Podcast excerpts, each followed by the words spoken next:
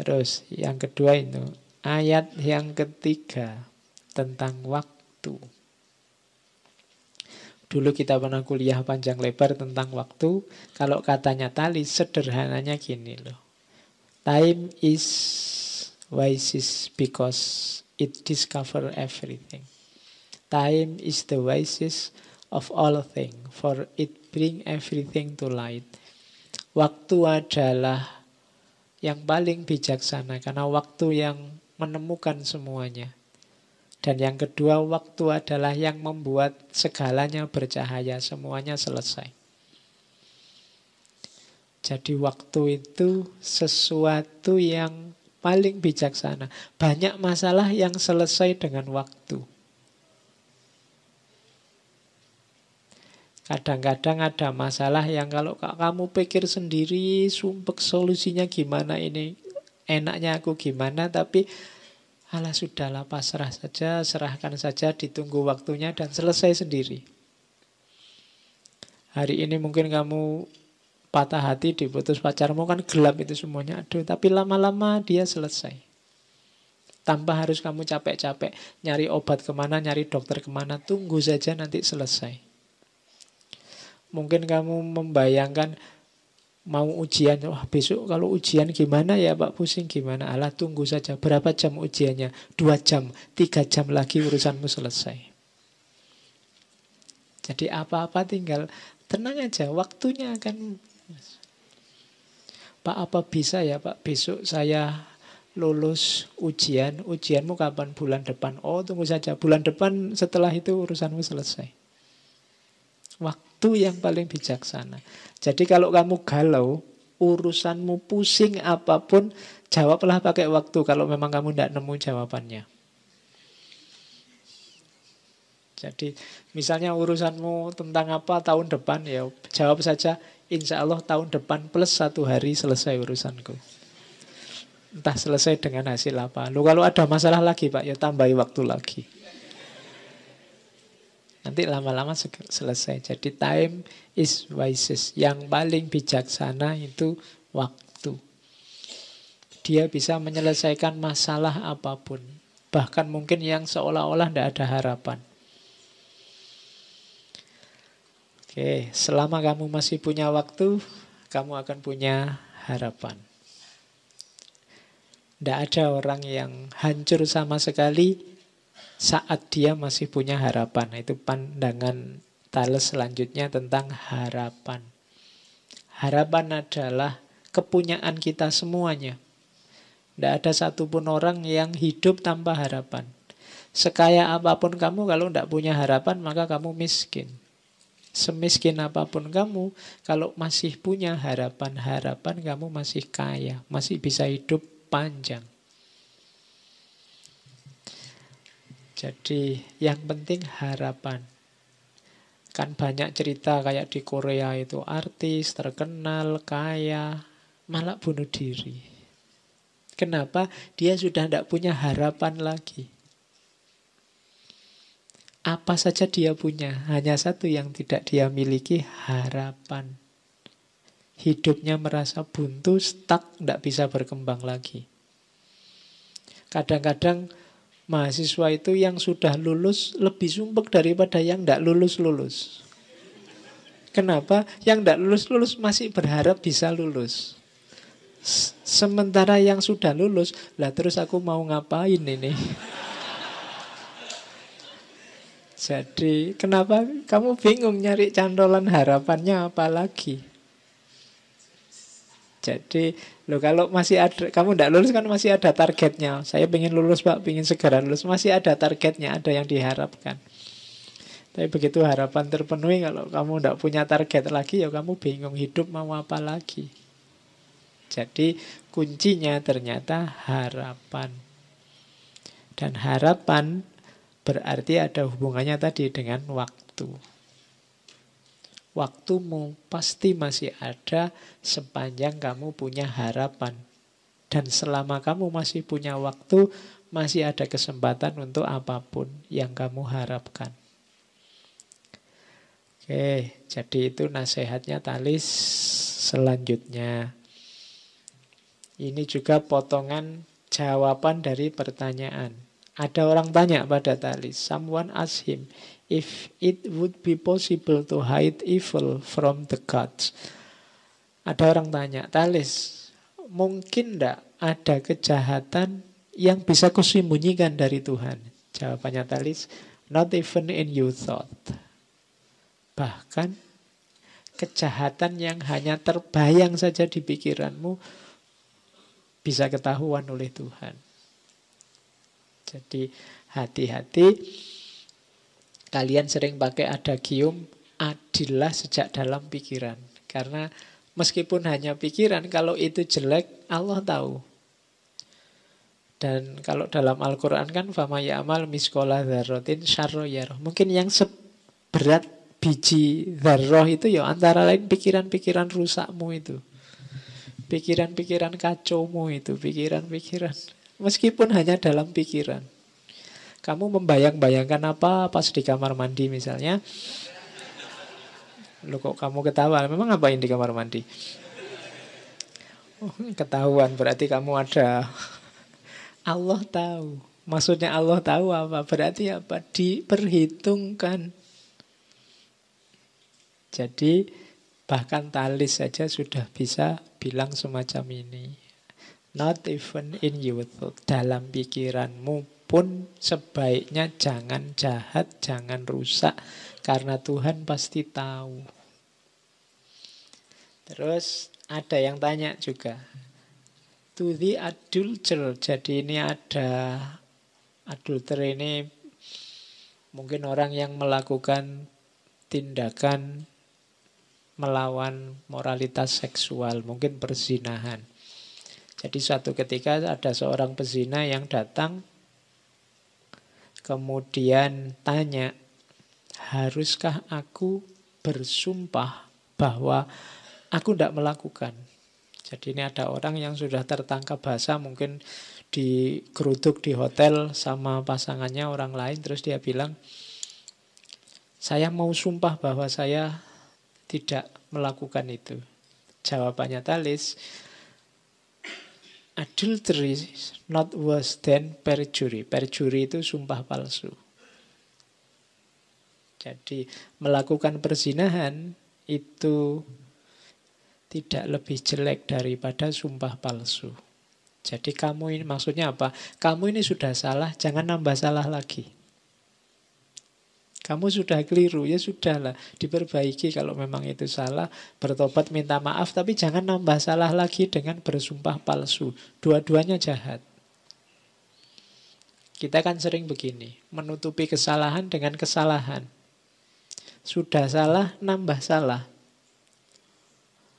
Bolos tidak masuk kuliah, salah. Ditambahi salah, ditanya dosennya bohong lagi. Double itu namanya. Itulah. Jangan dibiasakan double kesalahan. Orang yang double kesalahan itu ciri yang pertama, dia tidak sadar kesalahannya yang pertama. Belum sadar kesalahannya yang awal. Dan malah nambah kesalahan selanjutnya. Jadi itu nasihat dari Talis. Terus, kalau ini tentang mencela. Tidak ada sesuatu pun yang tak layak celah. Karena segala sesuatu ada kekurangannya dan tidak sempurna.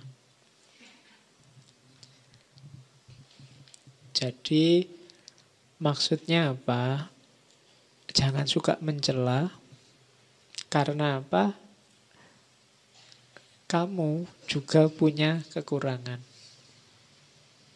Manusia Jangan saling mencela, tapi usahakanlah saling membantu, saling memperbaiki kekurangannya masing-masing.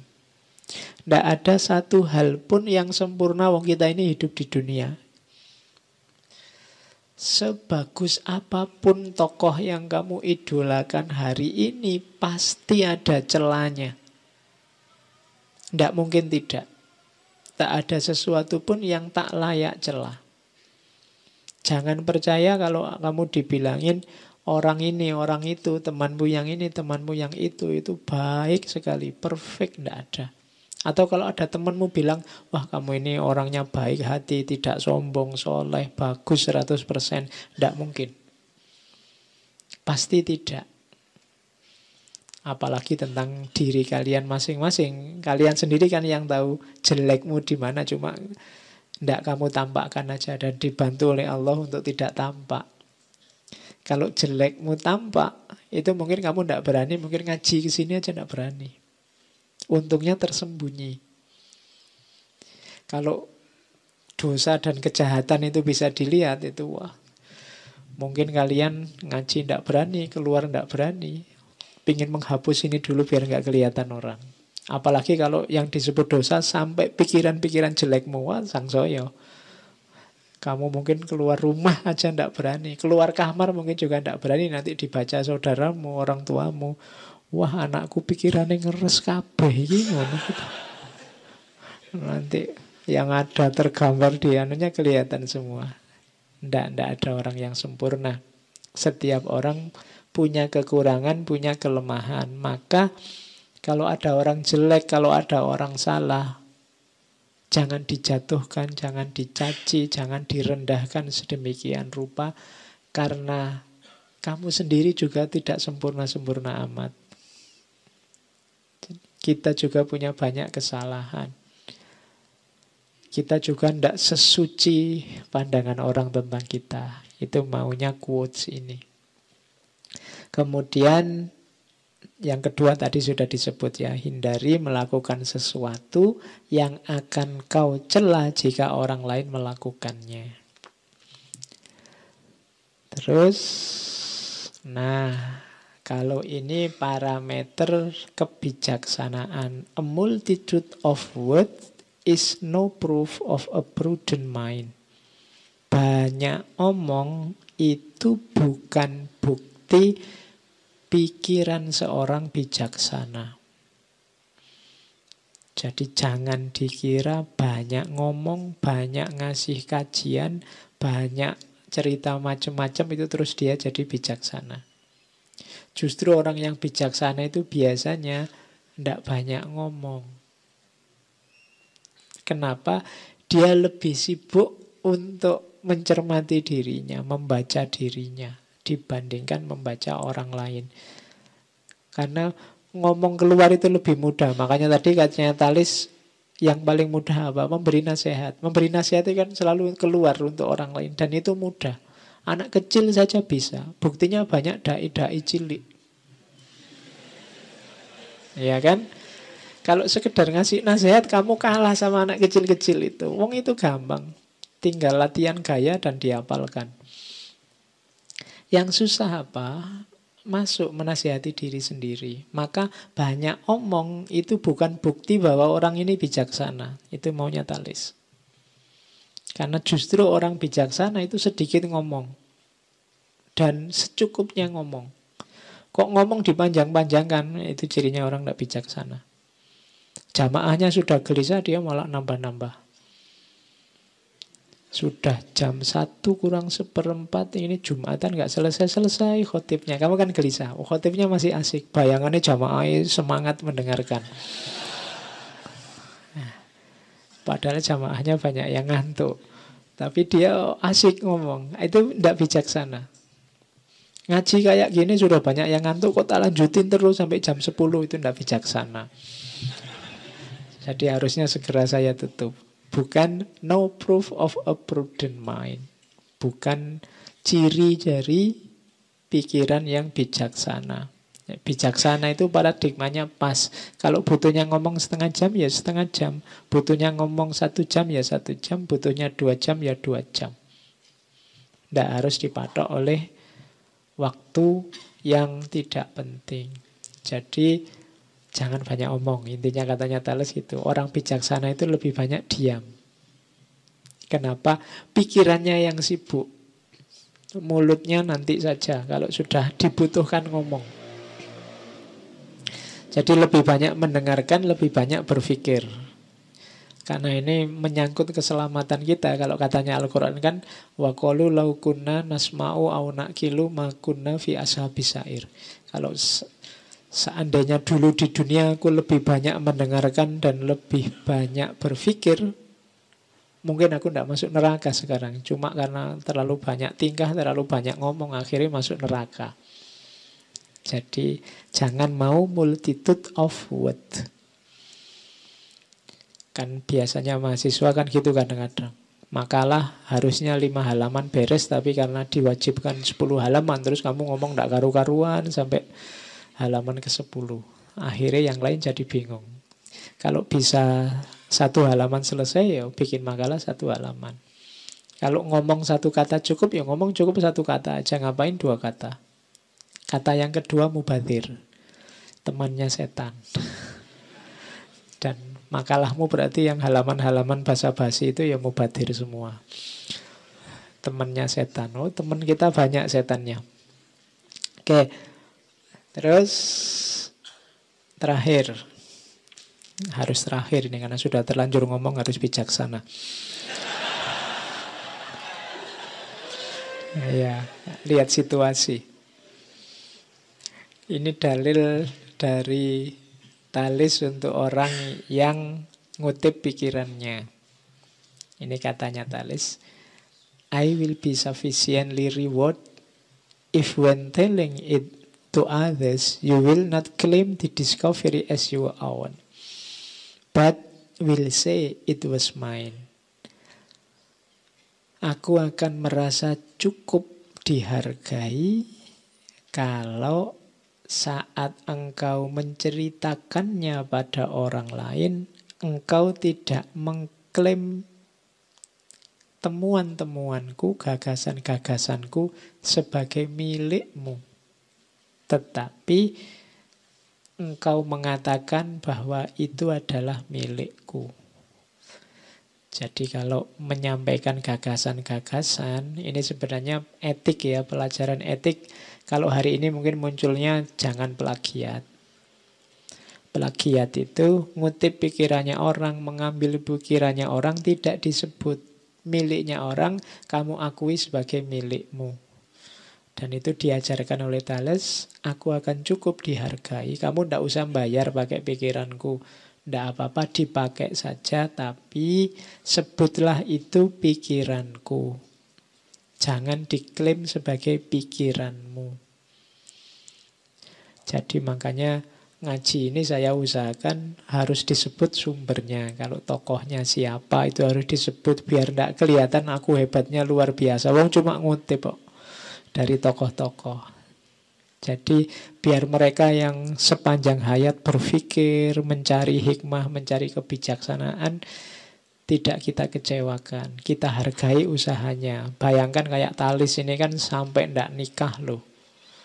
Saking asiknya. Kamu yang enak-enakan tinggal ngambil pikirannya malah ndak disebut sumbernya dari mana. Jadi etik ini nanti yang melandasi pikiran untuk kita tidak plagiat.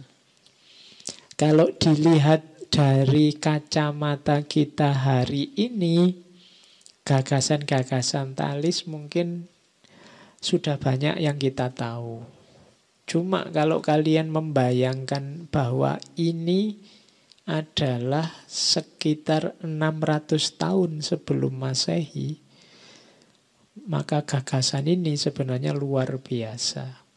Bayangkan 600 tahun sebelum Masehi. Di Indonesia zaman itu mungkin masih masyarakat primitif. Jadi kacamatanya harus digeser. Oh ini gagasan-gagasan yang luar biasa. Bahkan beberapa di antaranya kan sangat relevan untuk kita pakai hari ini. Itulah hebatnya tokoh-tokoh zaman dulu. Kalau pakai bahasanya Setu Nasr, wawasannya bersifat perennial. Jadi perennial itu dalam tanda petik abadi. Kita baca kapan pun selalu relevan.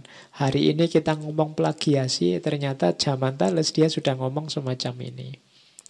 Hari ini kita ngomong apalagi tadi orang bijaksana jangan terlalu banyak omong ternyata masih relevan juga. Buktinya kamu manduk-manduk berarti hari ini memang banyak orang yang kelebihan dosis ngomongnya. Ya kan? Mencela, apalagi mencela wis. Sekarang setiap postingan isinya celaan itu jadi relevan terus. Oh menunjukkan bahwa memang ini mungkin ide ini memang ide perennial. Gagasan-gagasan yang abadi. Manusia butuh ini terus menerus. Oke, saya kira itu ya. Nanti kalau saya lanjutkan tidak bijaksana. Kalian sudah berjuang mati-matian untuk tidak terjatuh ngantuk. Minggu depan kita lanjutkan dengan muridnya. Muridnya, cucu muridnya mungkin namanya Pitagoras. Pitagoras ini unik. Filosof matematika tapi ada mistiknya. Bahkan punya semacam torekot. Ya, torekot Yunani mestinya ya. Oke, kita ketemu insya Allah Rabu depan. Kurang lebihnya mohon maaf. Wallahul muwafiq. Wallahu a'lam bisawab. Wassalamualaikum warahmatullahi wabarakatuh.